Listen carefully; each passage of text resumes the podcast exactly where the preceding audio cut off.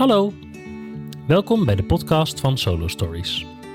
Mijn naam is Benno Hoogveld en ik ben artistiek leider en regisseur van de voorstelling Doet Sneeuwpijn.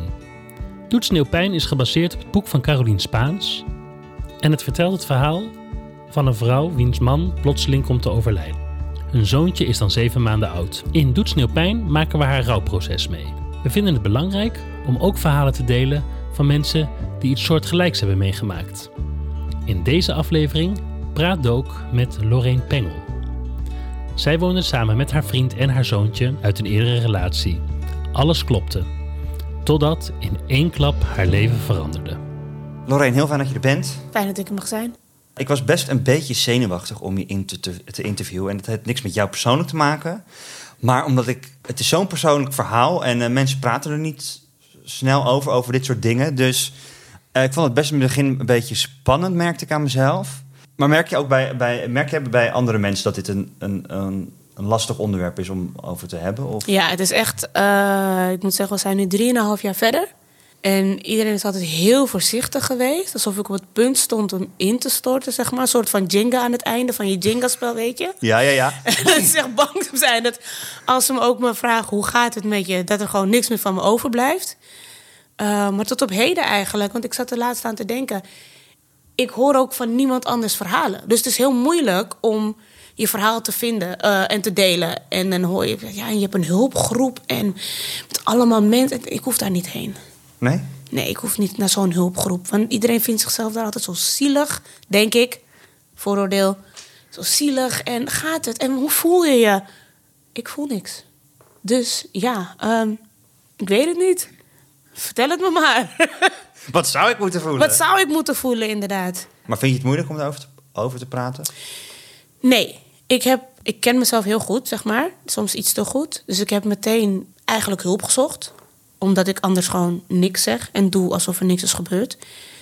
En dan zou ik alleen maar doorgaan en doorgaan en doorgaan. En dan op een onverwacht moment zou ik dan instorten. En daar zit niet op te wachten.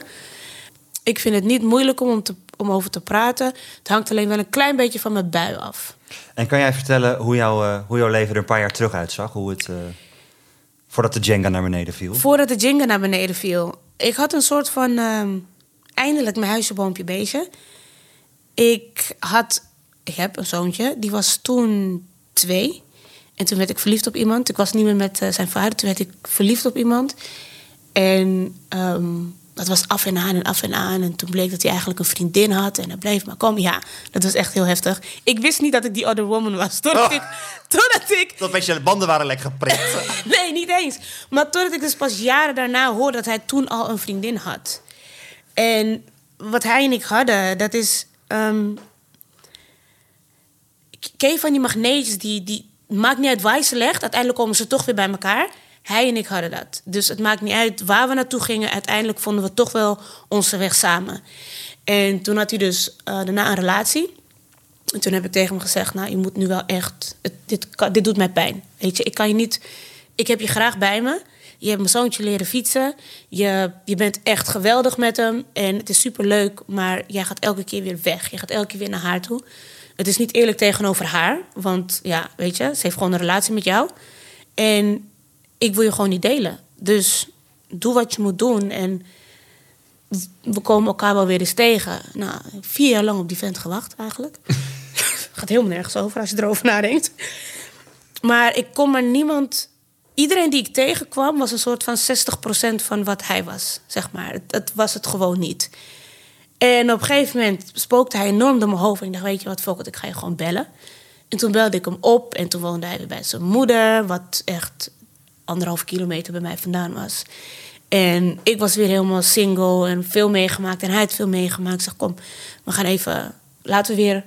Ik wil je zien. Ik heb je lang niet gezien. Laten we even wat afspreken. Zij had toen een hond. Zijn hond uitlaten en ik ging gezellig mee. En zo begon ons bankjesding. We hebben, ik denk, elk bankje die wij konden vinden in Zuidoost hebben wij bezocht. En dan gingen we op een bankje zitten en dan gingen we daar weer kletsen. En toen zei ik op een gegeven moment tegen hem: Ik zeg, luister, ik verwacht niks van jou. Dat je het even weet. zeg maar, je bent een volwassen vent en je slaapt op de bank bij je moeder. Ik heb gewoon een huis. Als jij je moeder het bank een keertje zat bent, mag je gewoon bij mij komen. Je hoeft niet bij me in bed. Vind ik super gezellig, heerlijk. Ehm, je mag ook bij mij gewoon op de bank slapen. Dus weet dat die deur gewoon nog steeds voor je open staat. Alleen maar dat. Ik had geen verwachtingen. Het was uit met zijn vriendin, waar hij zo enorm van, van heeft gehouden. Dat ik zelfs tegen hem zei: ik, zeg, ik weet niet wat je gaat doen. Ehm, ik heb jou vier jaar lang niet bij me gehad. Ga het goed maken met haar. Ik weet niet wat er is gebeurd, maar zorg ervoor dat het weer goed komt tussen jullie. Want blijkbaar is zij bijzonder genoeg om mij niet te willen. Dus ja, doe wat je moet doen. Nou, hij is bij me langsgekomen. En hij is eigenlijk ook daarna nooit meer, weg, nooit meer weggaan. En toen was het officieel. En na een paar weken kwam hij bij mij wonen met mijn zoontje. En zijn hond. Zaten we dan op 50 vierkante meter. maar het was goed. En de zomers waren leuk. En we gingen met z'n allen naar buiten. En we gingen naar het strand. En we gingen dingen doen die je doet als gezin zijn, zeg maar. Ik heb een geweldig jaar gehad met hem. En we hadden een Sinterklaas en we hadden een kerst en we hadden een oud en nieuw. En toen viel Jinga naar beneden. En dat was uh, onverwachts. Dat was heel heftig. Wil je vertellen wat er, wat er is gebeurd met hem? Ja, wat er gebeurde. Het was de eerste maandag na de herfstvakantie, na de kerstvakantie. Het was maandag 4 januari. En uh, mijn zoontje die wilde altijd gewoon naar school. Superleuk, tuut, tuut, tuut, gezellig. Echt zo'n kind dat blij is nog om naar school te gaan. Dus wij hebben hem samen naar school toe gebracht. En toen zijn we naar de winkel gereden nog. En toen reden wij terug. En toen begon hij al uh, over te geven in de auto. Dus ik zeg ook, ik zeg, uh, nou ben ik verblijd dat ik je ontbijtje nog niet voor je heb gemaakt. Weet je, heel droog, niks aan de hand. Dus wij rijden terug naar huis. En toen waren we tv aan het kijken. En mijn zoontje is de 19 januari jarig. Het was 4 januari. Dus het werd tijd om zijn verjaardag goed te gaan plannen. En hij wilde graag een ninja-feest. Dus ik heb uh, de sportschool gebeld. Nee, we waren tv aan het kijken en toen heb ik zijn ontbijtje gemaakt, zijn favoriete ontbijtje. En toen dacht ik, ik ga eventjes de gym bellen, want ja, we moeten nu wel gewoon even iets gaan regelen. Dus ik bel de gym en ik leg neer en ik zeg, nou babe, is maar zoveel per uur per zaal. We hebben twee zalen nodig, dus ja, het is volgens mij wel prima te doen toch financieel. En hij zegt, ja, dat moeten we doen. En hij staat naast me op de bank en hij staat op, loopt zeg maar om me heen, um, richting het toilet. En ik was dus nog met hem in gesprek, dus ik draai mee en ik kijk waar hij naartoe gaat. En hij knalt zo tegen de wc-deur aan en valt eigenlijk dus zo dood neer. Gewoon zo. Boom, dat was het. Dus ik sprong op en ik had nog die telefoon in mijn hand. En ik denk, wat de fuck? Dus ik draai hem om. En toen kwam zijn ontbijt, die ik zo mooi voor hem had gesmeerd, kwam eruit. En dus ik bel meteen 112. En als ik nu terugdenk, dan was het was al te laat. Hij was al... Um, het leven was al verdwenen uit zijn ogen. Hij had echt de meest, meest blauwe ogen die ik me ooit kon voorstellen. Het is echt smoorverliefd op die jongens ogen. En het was een soort van doffe, grijzig, alsof zo'n grauwe herfstdag was. En toen begon zijn huid te verkleuren en hij begon zeg maar te, ja, dat gaspen, zo dat, dat, dat. Mm -hmm. En ik belde de 112 meteen en ik heb geprobeerd, ik heb alles geprobeerd. Ik heb hem op zijn zij gelegd. Nou, je moet bedenken, dat is een vent van 2 bij 2 en ik ben maar 1,63 meter. Dus ik heb gedaan wat ik kon. En voor ik het wist, uh, hoorde ik sirenes. En dus moest ik de deur open doen. Ik woonde toen op acht hoog. En echt, ik denk dat binnen 10 minuten mijn huis vol stond met politie, brandweer en ambulance. En ik was mega kalm. Op een gegeven moment kwam een van die ambulancebroeders naar me toe. En hij was met me in gesprek en hij zegt van... Uh, we doen hier heel hard zijn best, maar hij wil niet echt goed reageren. We zien dat er nog iets, dat er nog iets van vechtlust is, maar hij, het, het zet niet door. Dus we gaan hem meenemen naar het ziekenhuis en dan gaan we daar met hem verder. En toen zat ik in de ambulance en toen vroeg die broeder ook van... Hoe lang is dit nu al, weet je? Want had hij ergens last van? Ik zeg, nee, zover ik weet dus niet. En toen zei hij, nou, we zijn al een tijdje met hem bezig. Uh, dus ja, ik kan niks garanderen. En toen vroeg ik hem, ik zeg, kan je nu gewoon even heel eerlijk tegen me zijn? Je hebt gemerkt dat ik de hele tijd heel rustig ben geweest. Maar je moet even, even heel duidelijk met mij zijn. Wat is er aan de hand? Wat zijn jullie aan het doen? En hoe groot schat je de kans in? Ik zal je nergens aan vastpinnen, maar ik moet voor mezelf, ik, ik heb hier geen verstand van. En toen zei hij tegen mij, hij zegt, nou, um, zijn hart reageert niet. Het wil gewoon niet verder kloppen. Wat we ook doen, het zet niet door. Um, dus we hebben thuis gedaan wat we kunnen doen. Maar we hebben niet alle apparatuur, dus ze nemen hem mee naar het ziekenhuis. En ze gaan in de ambulance verder. En in het ziekenhuis zelf pakken ze het ook meteen over. En hoe groot schat ik de kansen in? Nou, je moet je voorstellen dat, zijn hersenen al behoorlijk lang zonder zuurstof hebben gezeten nu. Dus als hij het overleeft, is het nog maar de vraag hoe hij er straks aan toe is. En of je dat moet willen. En toen keek ik hem aan en ik zeg: Oké, dankjewel. Dat was voor mij eigenlijk al de tweede bevestiging. En toen zat ik in het, uh, was ik in het ziekenhuis en toen kwam zijn moeder. En toen had zij natuurlijk 20.000 vragen. Dus ik heb alle vragen heb ik beantwoord. En toen werden we geroepen door de arts uh, in de kamer waar ze bezig waren. En um, lag je daar met al die slangetjes. En ik denk dat er wel acht man om me heen stond. En ze waren mee bezig. En iedereen was mee bezig. En toen kwam de arts naar me toe, naar ons toe. En die zei: Ik, ik kan niks meer doen eigenlijk. We zijn, ze zijn echt, even kijken, drie, drie of vier uur zijn ze bezig geweest met reanimeren. Dat is echt bizar Ja. lang. Dat is echt heel lang. Hij was 34. Dus ja, ik kan me voorstellen dat je behoorlijk lang bezig bent. En toen zei hij: We hebben alles geprobeerd, maar we kunnen niks meer doen. Wil je nog afscheid nemen voordat wij ermee stoppen? En toen heb ik gezegd ja. Toen ben ik naar hem toe gegaan. Ik heb hem een kus gegeven op zijn voorhoofd. Ik heb gezegd: Het is goed zo. Ik zeg: Ik weet dat je alles hebt gedaan. Het is goed zo. Ik zorg voor alles en iedereen die er nog is. En toen is zijn moeder daar naartoe gegaan, ook nog om even afscheid te nemen. En toen zijn wij teruggegaan. Nee, toen zijn ze gestopt. En toen zijn wij teruggegaan naar de familiekamer. En op een gegeven moment drong het tot me door. En toen lag ik op de grond te huilen. En zijn moeder die zat daar en die wist zich geen raad met mij en arme vrouw. Nog steeds heel heftig. En ehm, op een gegeven moment, na ik denk twee, drie minuten, kon ik weer een beetje normaal ademen. Toen ben ik naast haar gaan zitten. We hebben zijn broer gebeld. Ik heb zijn beste vriend gebeld. En heel raar, ik heb mijn telefoon gepakt en in de groepsapp van mijn moeder en mijn zusters een app gestuurd. Dus ik heb daarin gezet: ehm, Ze zijn gestopt, ze konden niks meer doen, ik ben weer vrijgezel. Ja, vet raar. Weet je dat ik echt terugdenk van. Wat typ jij echt? Wie doet dat Ja. echt? Like, really, wie doet dat? Nou, ik dus. En toen was het nog van, ja, moeten we komen? Ik zeg, nee, dat hoeft niet. Het, ik ben oké. Weet je, ik bedoel, ik ben oké. En na vijf minuten stonden twee van mijn zusters voor mijn neus... om mij op te vangen, want ik had alleen maar oog voor zijn kant van de familie... en niet voor mezelf. En toen hadden ze me op een gegeven moment in een andere kamer neergelegd. Ehm, en toen zat ik daar en op een gegeven moment moest ik naar huis. Ik had al geregeld dat mijn zoontje werd opgehaald door mijn zus en daar bleef. En toen moest ik op een gegeven moment naar huis.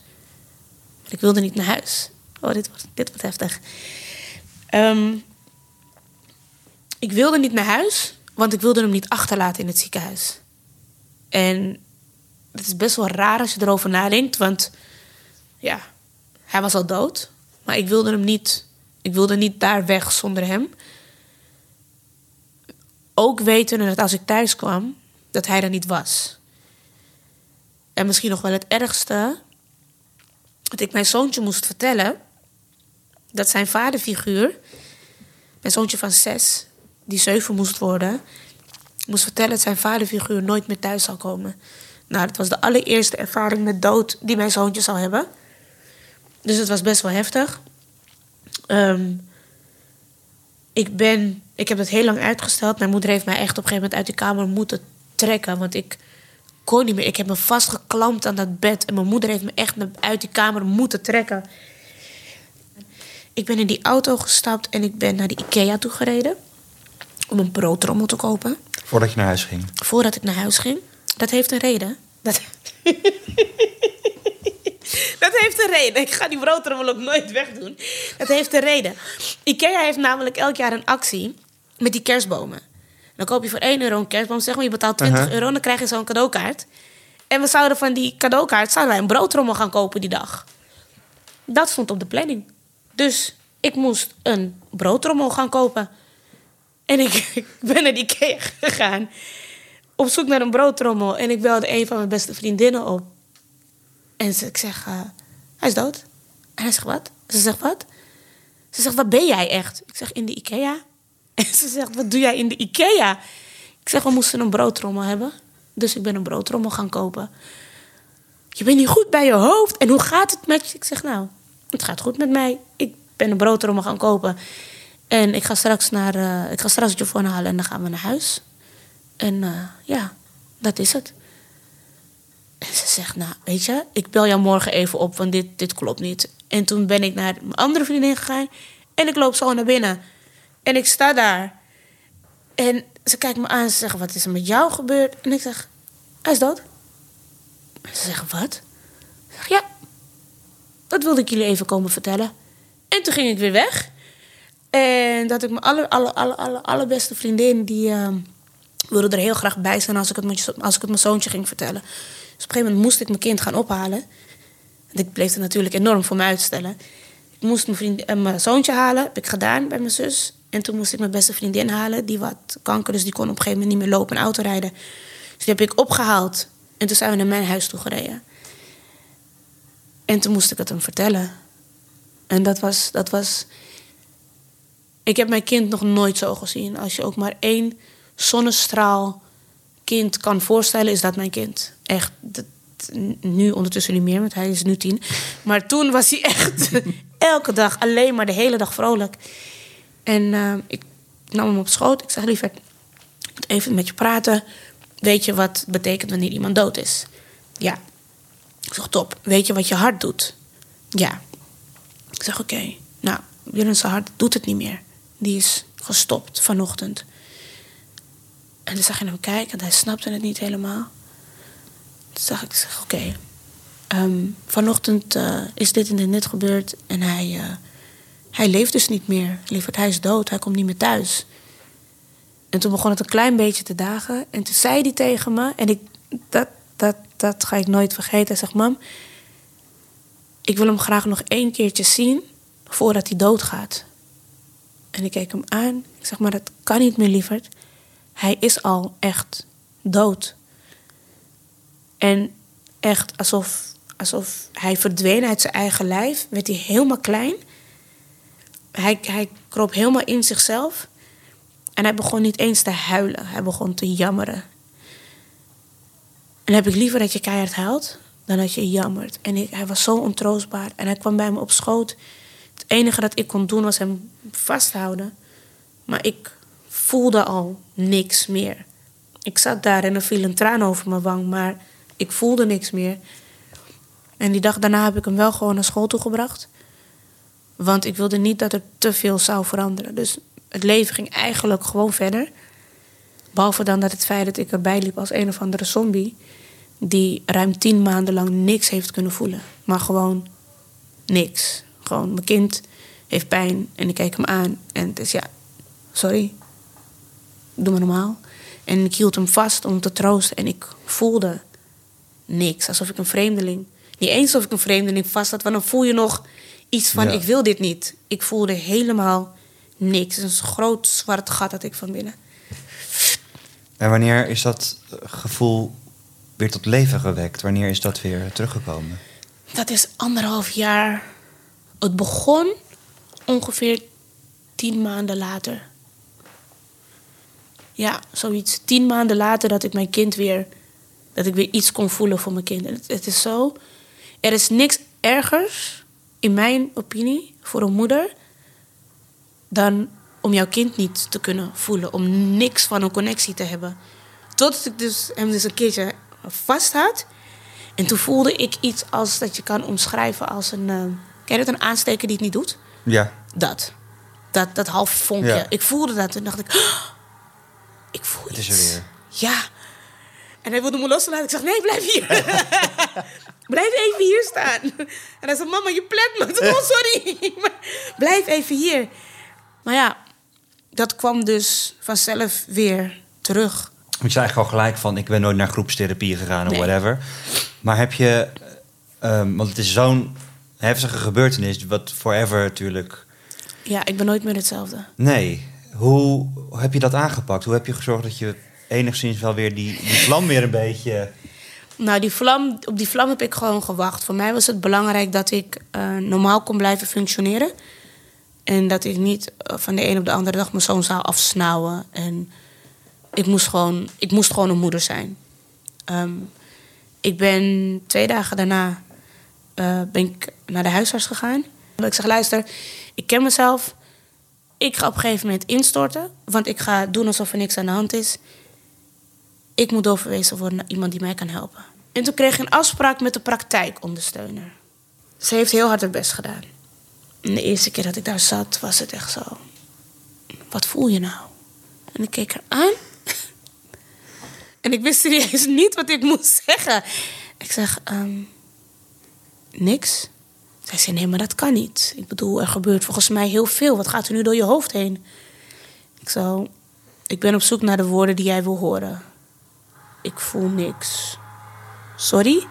En toen zei ze, ja, maar je hebt wel een traan. Ik zeg, oh, ja, oké. Dat je niet eens opgemerkt. Nee, want ik voelde, er was niks hier van binnen.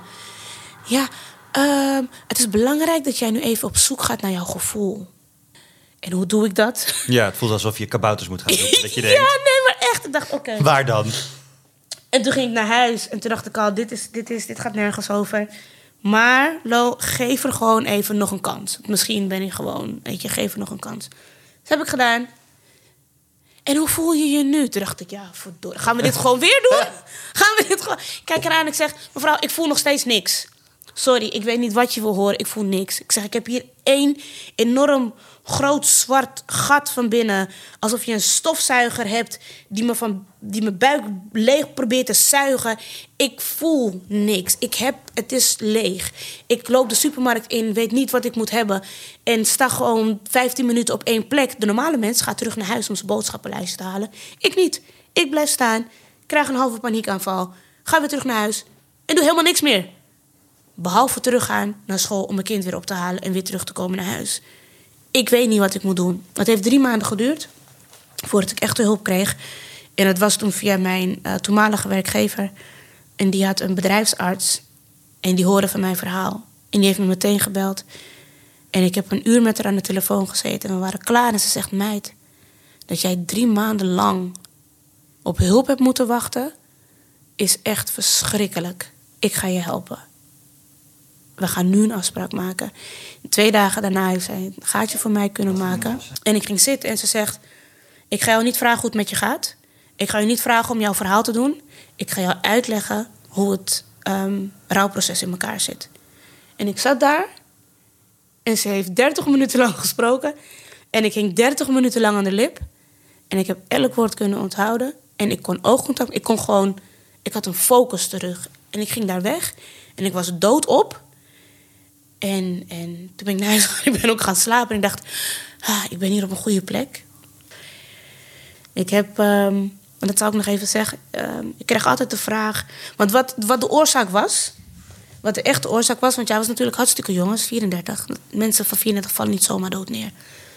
Um, ze hebben dus uh, onderzoek gedaan. En het bleek dus dat hij een aderverkalking had. Zijn kransslagader was helemaal verstopt. Maar dat wist niemand. Uh, hij had zoveel kalk in zijn ader dat het gewoon genetisch moest zijn. Nou, als je dan terug gaat kijken, zijn vader was ook nog best jong overleden. Ze hebben bij hem alleen nooit onderzoek gedaan. En dan krijg je de vraag: als ze het hadden gedaan, hadden ze het dan geweten? Misschien wel, maar dat weet je niet. Als ze het hadden geweten, wat dan? Ik heb al die what-ifs heb ik me allemaal, voor, heb ik me allemaal afgevraagd. Zijn die, vaak, zijn die heel lang en heel vaak bij je teruggekomen? Die niet, want ik was er eigenlijk al best wel, ik was er eigenlijk al best wel snel uit dat dit zo had moeten zijn, zeg maar. Klinkt misschien heel raar. Um, maar hij was het grootste, hij was de grootste levensgenieter die ik ooit heb ontmoet. Hij heeft alles gedaan wat God heeft verboden. Keer twee. Ik denk dat de duivel nog jaloers op hem zou zijn geweest. gewoon, dat hij gewoon nog een hele lijst met nog meer sins heeft gemaakt. Van oké, maar hij doet dit. Oké, misschien moet dit er ook nog bij. En dat ook, maar hij genoot zo enorm van elke seconde in zijn leven. En daar had ik heel veel bewondering voor. Want ik was altijd heel erg zakelijk, recht toe, recht aan. Ik fixte alles wel en ik regelde het wel. Ga jij maar genieten, ik blijf wel thuis. Ik zorg ervoor, het, weet je, dat wanneer je thuis komt, dat er eten is, et cetera. En dan heb ik me afgevraagd van oké, als het hadden geweten, wat dan? Was hij dan de rest van zijn leven aan de medicatie geweest? Had hij dan eens in de zoveel tijd zo'n test moeten doen? Dan had hij dus niet het leven kunnen leiden waar hij zo enorm van hield. Weet je? Lekker doen waar hij zin in heeft. Ehm, dus het is heel dubbel. Had ik graag nog heel veel jaren met hem gehad. Heel graag. Aan de andere kant weet ik dus niet of hij dan deze persoon zou zijn geweest waar ik zo enorm verliefd op was. En dat dit nu is gebeurd, en dat is misschien wel het hardste wat ik ooit heb gezegd erover, heeft mij wel op plekken gebracht waarvan ik niet weet of ik er anders zou zijn geweest. Het heeft me ehm, heel erg met beide voeten op de grond. ik wil niet eens zeggen gezet. Ik ben er gewoon. Ingeduwd. Ingeduwd gewoon met volledige zwaartekracht. Weet je gewoon. Dwars door de grond ben ik erin gezet. En ik heb me beseft dat het leven niet als vanzelfsprekend is. En dat ik ehm, maar moet doen waar ik gelukkig van word. En meer moet gaan genieten van het leven. En toen ben ik gestopt met werken voor een baas. En ik ben eigenlijk gewoon gaan doen waar ik blij van word. En dat is gewoon werken met mijn lichaam, lesgeven, uh, dansen. Bezig zijn met de gezondheid van je lijf en andere mensen daarmee helpen. Ben je angstiger geworden of is dat ook weg? Nee, nee, nee, nee, nee, nee. Dan zeg ik, ik ben nooit meer hetzelfde geweest. Ehm, ik heb er trauma's aan overgehouden. Ik heb er zeker, en mijn zoontje heeft dat ook nog. Ehm, ik heb nog steeds uh, angst dat als ik wegga, dat ik niet meer thuis kom. Ik heb heel lang niet door tunnels durven rijden. Ik heb maandenlang niet langs mijn laatste route kunnen rijden. Mijn kaken gingen gewoon letterlijk op slot. Ehm, dus ik ben daardoor nog beter voor mezelf gaan zorgen. Eén ding is, ik heb wel heel, heel erg naar, mijn, ehm, naar het stemmetje in mijn hoofd. Nog meer naar het stemmetje in mijn hoofd leren luisteren. En dat is die dag eigenlijk mijn redding geweest. Ik zou gaan trainen. Ik deed altijd de crossfit-les van 11 uur. Um, en ging ik altijd tussen kwart over tien en half elf ging ik de deur uit. En het was dus tien uur. En ik had geen zin. En ik zei tegen hem, baby, ik heb helemaal geen zin om te gaan trainen. En hij zegt ook, hij zegt, doe het niet zo raar. Ga gewoon trainen, want anders ben jij, loop jij vanavond te stuiten. En daar heb ik helemaal geen zin in. En vijf minuten daarna zeg ik, nee, ik ga niet trainen. En ik heb me met mijn vriendin geappt. Ik zeg, Les, ik kom niet vandaag. Ik heb geen zin. Ik ga gewoon niet trainen. En kwart over tien zaten wij gezellig samen op de bank. En uh, tien voor half elf lag hij op de grond. Toen was het gewoon klaar. Als ik was gaan trainen, niet naar het stemmetje had geluisterd, was ik weggegaan. Dit was toch wel gebeurd, maar dan was hij alleen geweest.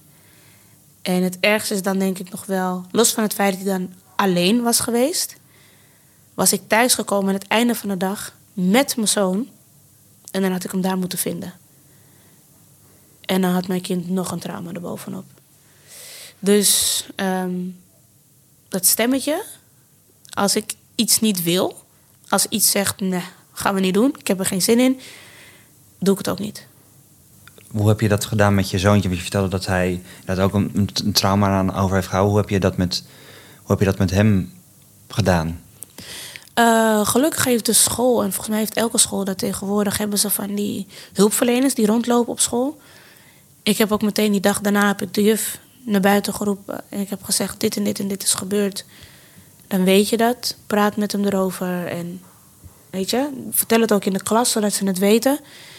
Um, ze hebben toen vanuit school, hebben ze uh, eerst op school zelf, hadden ze therapie.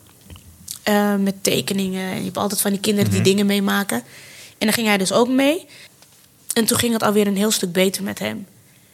En toen overleed daarna mijn beste vriendin. Dus toen heb ik die vrouw weer gebeld. Ik zei, luister, er is weer eens iemand dood. Ja, nee, maar zo, sorry. Het klinkt echt heel koud. En zo, en zo ben ik ook wel een beetje. En nee, maar het is denk ook een manier om ermee om te, om te moeten gaan. Want anders...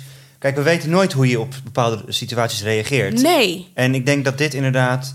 Dit is ook menselijk. Want je denkt, oh, ik moet krijsen op de vloer... mijn haar mijn hoofd trekken. En, maar uh, dat, is het niet altijd. En geloof me, neem me niet kwaad, begrijp me niet verkeerd. Ik heb dat ook gehad. Ik heb gehad dat ik tv zat te kijken twee weken daarna en in een instorten, ontroostbaar, twintig minuten lang, snot overal, verschrikkelijk. Uh, ik kon dan niet opstaan. En dan belde ik weer mijn nicht, die ook een partner was verloren. Ik zeg, wordt dit ooit beter? Ja, Lo, het wordt beter, ik beloof het je. Ja, wanneer dan? Ik heb, ik heb dat ook gehad. Maar ja, je, je kan niet zo elke dag doorgaan. Dat heeft geen zin. Hoe hard het ook klinkt, het heeft geen zin.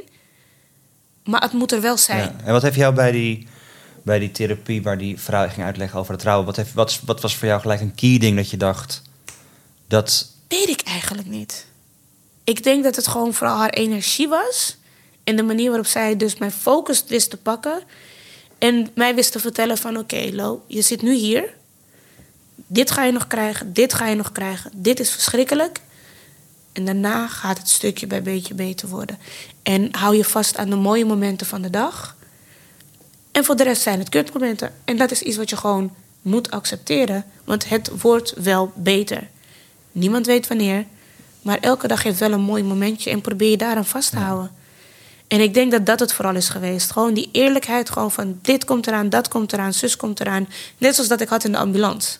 Je vertelde net ook net dat je beste vriendin kanker had en aan het overlijden was. Ik kan me voorstellen dat dat ook nog een keer een, een klap erbovenop is. Want dan... Ja en nee. Ehm, we hebben drie jaar lang, ik zeg ook echt wij. Ja, wij hebben drie jaar lang, zeg maar, gevochten.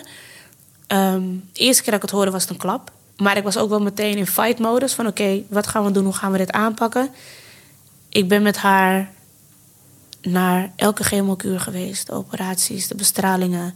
Ik stond altijd aan de zijde. Het was altijd een enorm feest daar op de afdeling.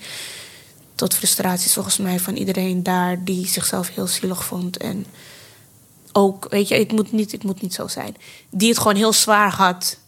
En misschien de medewerkers die heel serieus hun werk proberen te doen. En heb je daar twee lachende meiden samen in één bed, waarvan eentje dus niet in dat bed hoort. Dat was ik. ik krop altijd bij haar in bed. en ik, ik tilde er naar boven en ik tilde er in het bed en in het andere bed. Zij heeft mij door dus deze moeilijke periode heen gesleept. Het fijne hieraan is, door haar kanker... Ik was voor haar de enige die wist wat zij voelde. Omdat dat grote gat van binnen, die zij aan niemand kon uitleggen, had ik ook. Dus ik was eigenlijk de enige bij wie, bij wie ze dat kwijt kon. En ik kon haar ook altijd bellen als ik het even niet meer zag zitten en het even niet meer wist. En ook als ik het niet wist en ik niks zei, belde zij mij. Dus we waren zo goed verbonden. Dus ik wist, ik wist van mijn beste vriendin dat het ging komen. En in de gesprekken, als je onze WhatsApp-gesprekken terugleest, zie je op een gegeven moment een keerpunt waarbij wij alle twee weten dat het met haar niet meer goed gaat komen, maar we zeggen het geen van beiden. Maar we weten het wel. En de toon van onze, onze gesprekken verandert. Het wordt serieuzer, maar niet al te dramatisch. Want het is al erg genoeg. Is het, is het rouwproces ook heel, als je er nu op terugkijkt, en is dat heel anders geweest tussen. Ja, heel erg. Um, maar mijn beste vriendin, je weet dat het komt. Het was een enorme klap, maar tegelijkertijd ook niet. Omdat ja, je ziet, ik heb er zien aftakelen, ik Ja. heb er dunner zien worden. Ik vond het vooral heftig voor mijn zoontje. Omdat hij net een beetje, een beetje doorkreeg ehm, hoe het leven ook, hoe mooi het leven ook weer kon zijn. En dan moest ik weer vervelende gesprekken met hem gaan voeren. Voor mijn partner was het gewoon klaar. Ehm, en dat zeg ik, ik heb een enorm gat, want mijn hele hoofd is dus. Alles ging uit. Ik weet ook voor de helft niet meer wat er is gebeurd. Ik ben vriendinnen kwijtgeraakt omdat ik blijkbaar geen goede vriendin meer was. Sorry daarvoor. Ik moest overleven of zo, denk ik. Ik zat op ze overleven. dat? Of, eh, als je... Mm, ik dacht dat ze het begreep. Maar ik zag er al heel snel uit alsof het wel goed was. Alsof ik wel oké was. Denk ik. Het is voor mij allemaal gissen. Want dan zeg ik, het is echt één groot, één groot gat. Mijn kind is in ene tien. Dat ik ook denk van... ehm, Ik heb een paar jaar gemist. ja, zo voelt het af en toe. En ik heb denk ik sinds twee jaar nu... Zijn nu drieënhalf jaar verder, bijna vier. Sinds twee jaar heb ik het gevoel dat ik een soort van wakker aan het worden ben. Wat echt heel raar klinkt. Komen er dingen terug uit dat, uit dat zwarte gatjaar? Jaren? Nee, tot nu toe nog niet. Ik Ook probeer niet het. als je foto's hoop- ziet of zo? Of hoe, eh, kan me voorstellen dat je foto's ziet van eh, een paar jaar terug en dat je denkt... Nee. Wat ik weet is wat ik weet. En ik heb nog... Weet je, dan ga je door je foto's heen en dan kijk je en dan... Maar het is allemaal zo... Vaag. Zo. Ken je dat, dat je hebt gedroomd? En dan word je 's ochtends wakker en denk je van... Ik had echt een vette droom. Ja, waar ging het over dan? Ik weet het niet. dat. En dan Ja. ben je echt aan het graven in je geheugen van wat was het dan? Maar het is er gewoon niet. Ja. Hoe kon jij überhaupt met, eh, contact met andere mensen nog aan? Ik had mijn moeder en mijn zusters en verder zat ik eigenlijk bijna op een eiland. Ik begin nu pas weer naar sociale gelegenheden te gaan. Er, is, er zijn weinig mensen die het lef hebben gehad om naar mij toe te komen om te vragen van wat is er nou eigenlijk echt gebeurd? En hoe gaat het nou echt met je? Want wat, je, wat ik heb gemerkt is mensen vragen hoe gaat het met je? Maar ergens zijn ze ook bang om de waarheid te horen. Denk ik. Want het is hoe gaat Het zou het zo met bij jou kunnen overkomen. Dat is waarschijnlijk. Juist. Weet je, want hoe. Maar, wanneer is de laatste keer dat jij aan iemand hebt gevraagd: hoe gaat het echt met je? Ja, maar ja, weet je, ik bedoel, diegene is net de partner kwijtgeraakt. Straks stort ze in. En dan sta ik hier met mijn goede gedrag. Omdat het netjes is om te vragen hoe het met je gaat. En Je dan, moet eigenlijk zo de bus halen. Dus, eh, ja, dus ehm, zeg maar vooral dat het goed met je gaat, zodat ik weer weg kan. De mensen die daar de, het lef voor hadden, die heb ik ook echt wel een antwoord gegeven. Zou je bijna kunnen zeggen dat je als buitenstaander dan maar liever niet de vraag hoe gaat het kan stellen? Nee, ik denk dat het vooral te maken heeft met hoe, met hoe oprecht ja, hoe gaat het is. Het is fijn, ik vond het fijn om te weten dat mensen voor me klaar stonden als ik ze nodig zou hebben. Ik heb op niemand een beroep gedaan, daar niet van. Maar wetende dat je het niet alleen hoeft te doen, is al een hele steun. Ja. En ja, misschien, dat zeg ik, misschien had iemand gewoon een keer moeten zeggen: Kom, we gaan nu boodschappen halen samen. Kom, wij gaan nu dit doen. En waar sta je nu eigenlijk in je... Ja, kan je het noemen? Is het een rouwproces of hoe, waar, waar sta jij nu in? In het leven. Laten we het Ja, in het leven in het leven, Laten we het lekker positief houden. Ja. ik zit nog steeds meer in een rouwproces. Ehm, ik heb nu het gevoel dat mijn leven weer een beetje bij elkaar komt. Dat ik weer een beetje mezelf begin te worden. Dat begon pas begin van dit jaar. Dat is gewoon drie jaar verder. Besef ik. Drie hele jaren verder. Ehm, dat ik zoiets had van: oké, wat wil ik? Welke kant wil ik opgaan? welke kant wil ik echt opgaan? Weet je, en dan begint een beetje vorm te krijgen. En ik denk van oké, ik voel nu dat ik weer een beetje in mijn krachten kom. Ehm, dat ik weer een beetje dicht bij mezelf kom en begin te graven van oké, nu kan ik weer aan mezelf gaan bouwen. Het was er wel, een soort van verbouwing die stilstond. En nu kan ik weer gewoon verder gaan bouwen naar de persoon die ik over vijf jaar, twintig jaar, vijf minuten wil zijn. Ik kan meer genieten van alles. Dus wanneer ik dan een les geef, geniet ik daar ook gewoon echt. Ik ben heel, klinkt echt super zwerig. Ik ben heel dankbaar dat ik weer een les mag geven. Dat ik leden voor me heb die mij vertrouwen met hun lijf. Dat ik kinderen om me heen heb die me zoveel geven, die ik zoveel energie terug kan geven. Ik heb heel veel plezier in de hele kleine dingen. Ik kan naar andere mannen kijken en denken van, goh, jij bent wel interessant. Punt. Daar zijn we nu. Punt.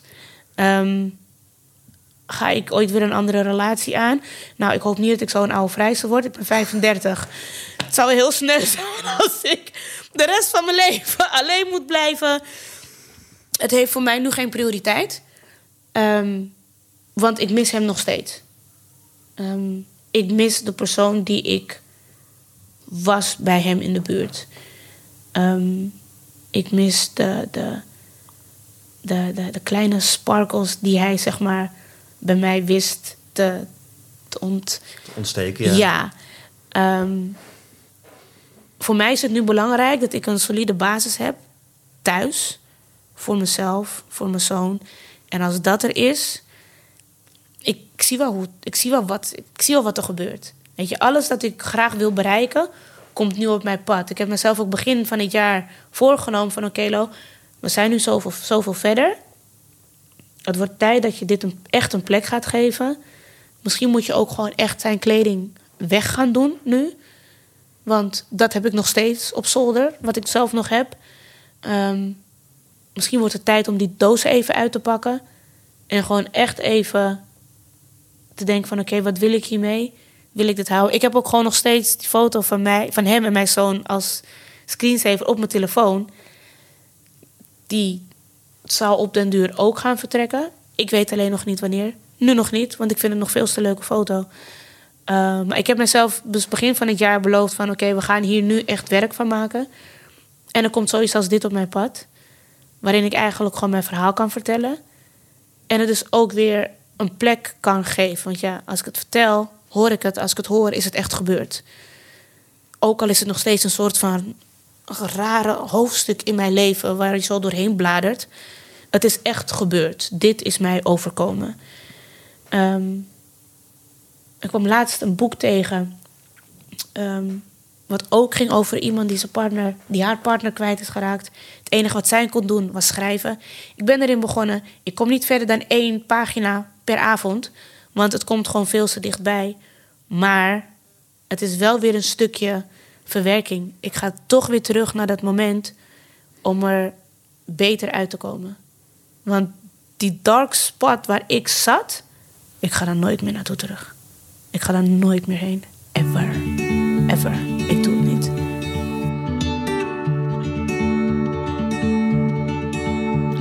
Dankjewel voor je openhartigheid, Lorraine. En jullie bedankt voor het luisteren. Vanaf januari 2020 speelt de voorstelling Doet Sneeuwpijn door het hele land. Ga naar onze website solostories.nl voor de speellijst. Vergeet je niet te abonneren en kijk voor andere nieuwtjes op onze Facebookpagina of op Instagram of luister naar de andere afleveringen van onze podcast. Tot de volgende keer. Ciao!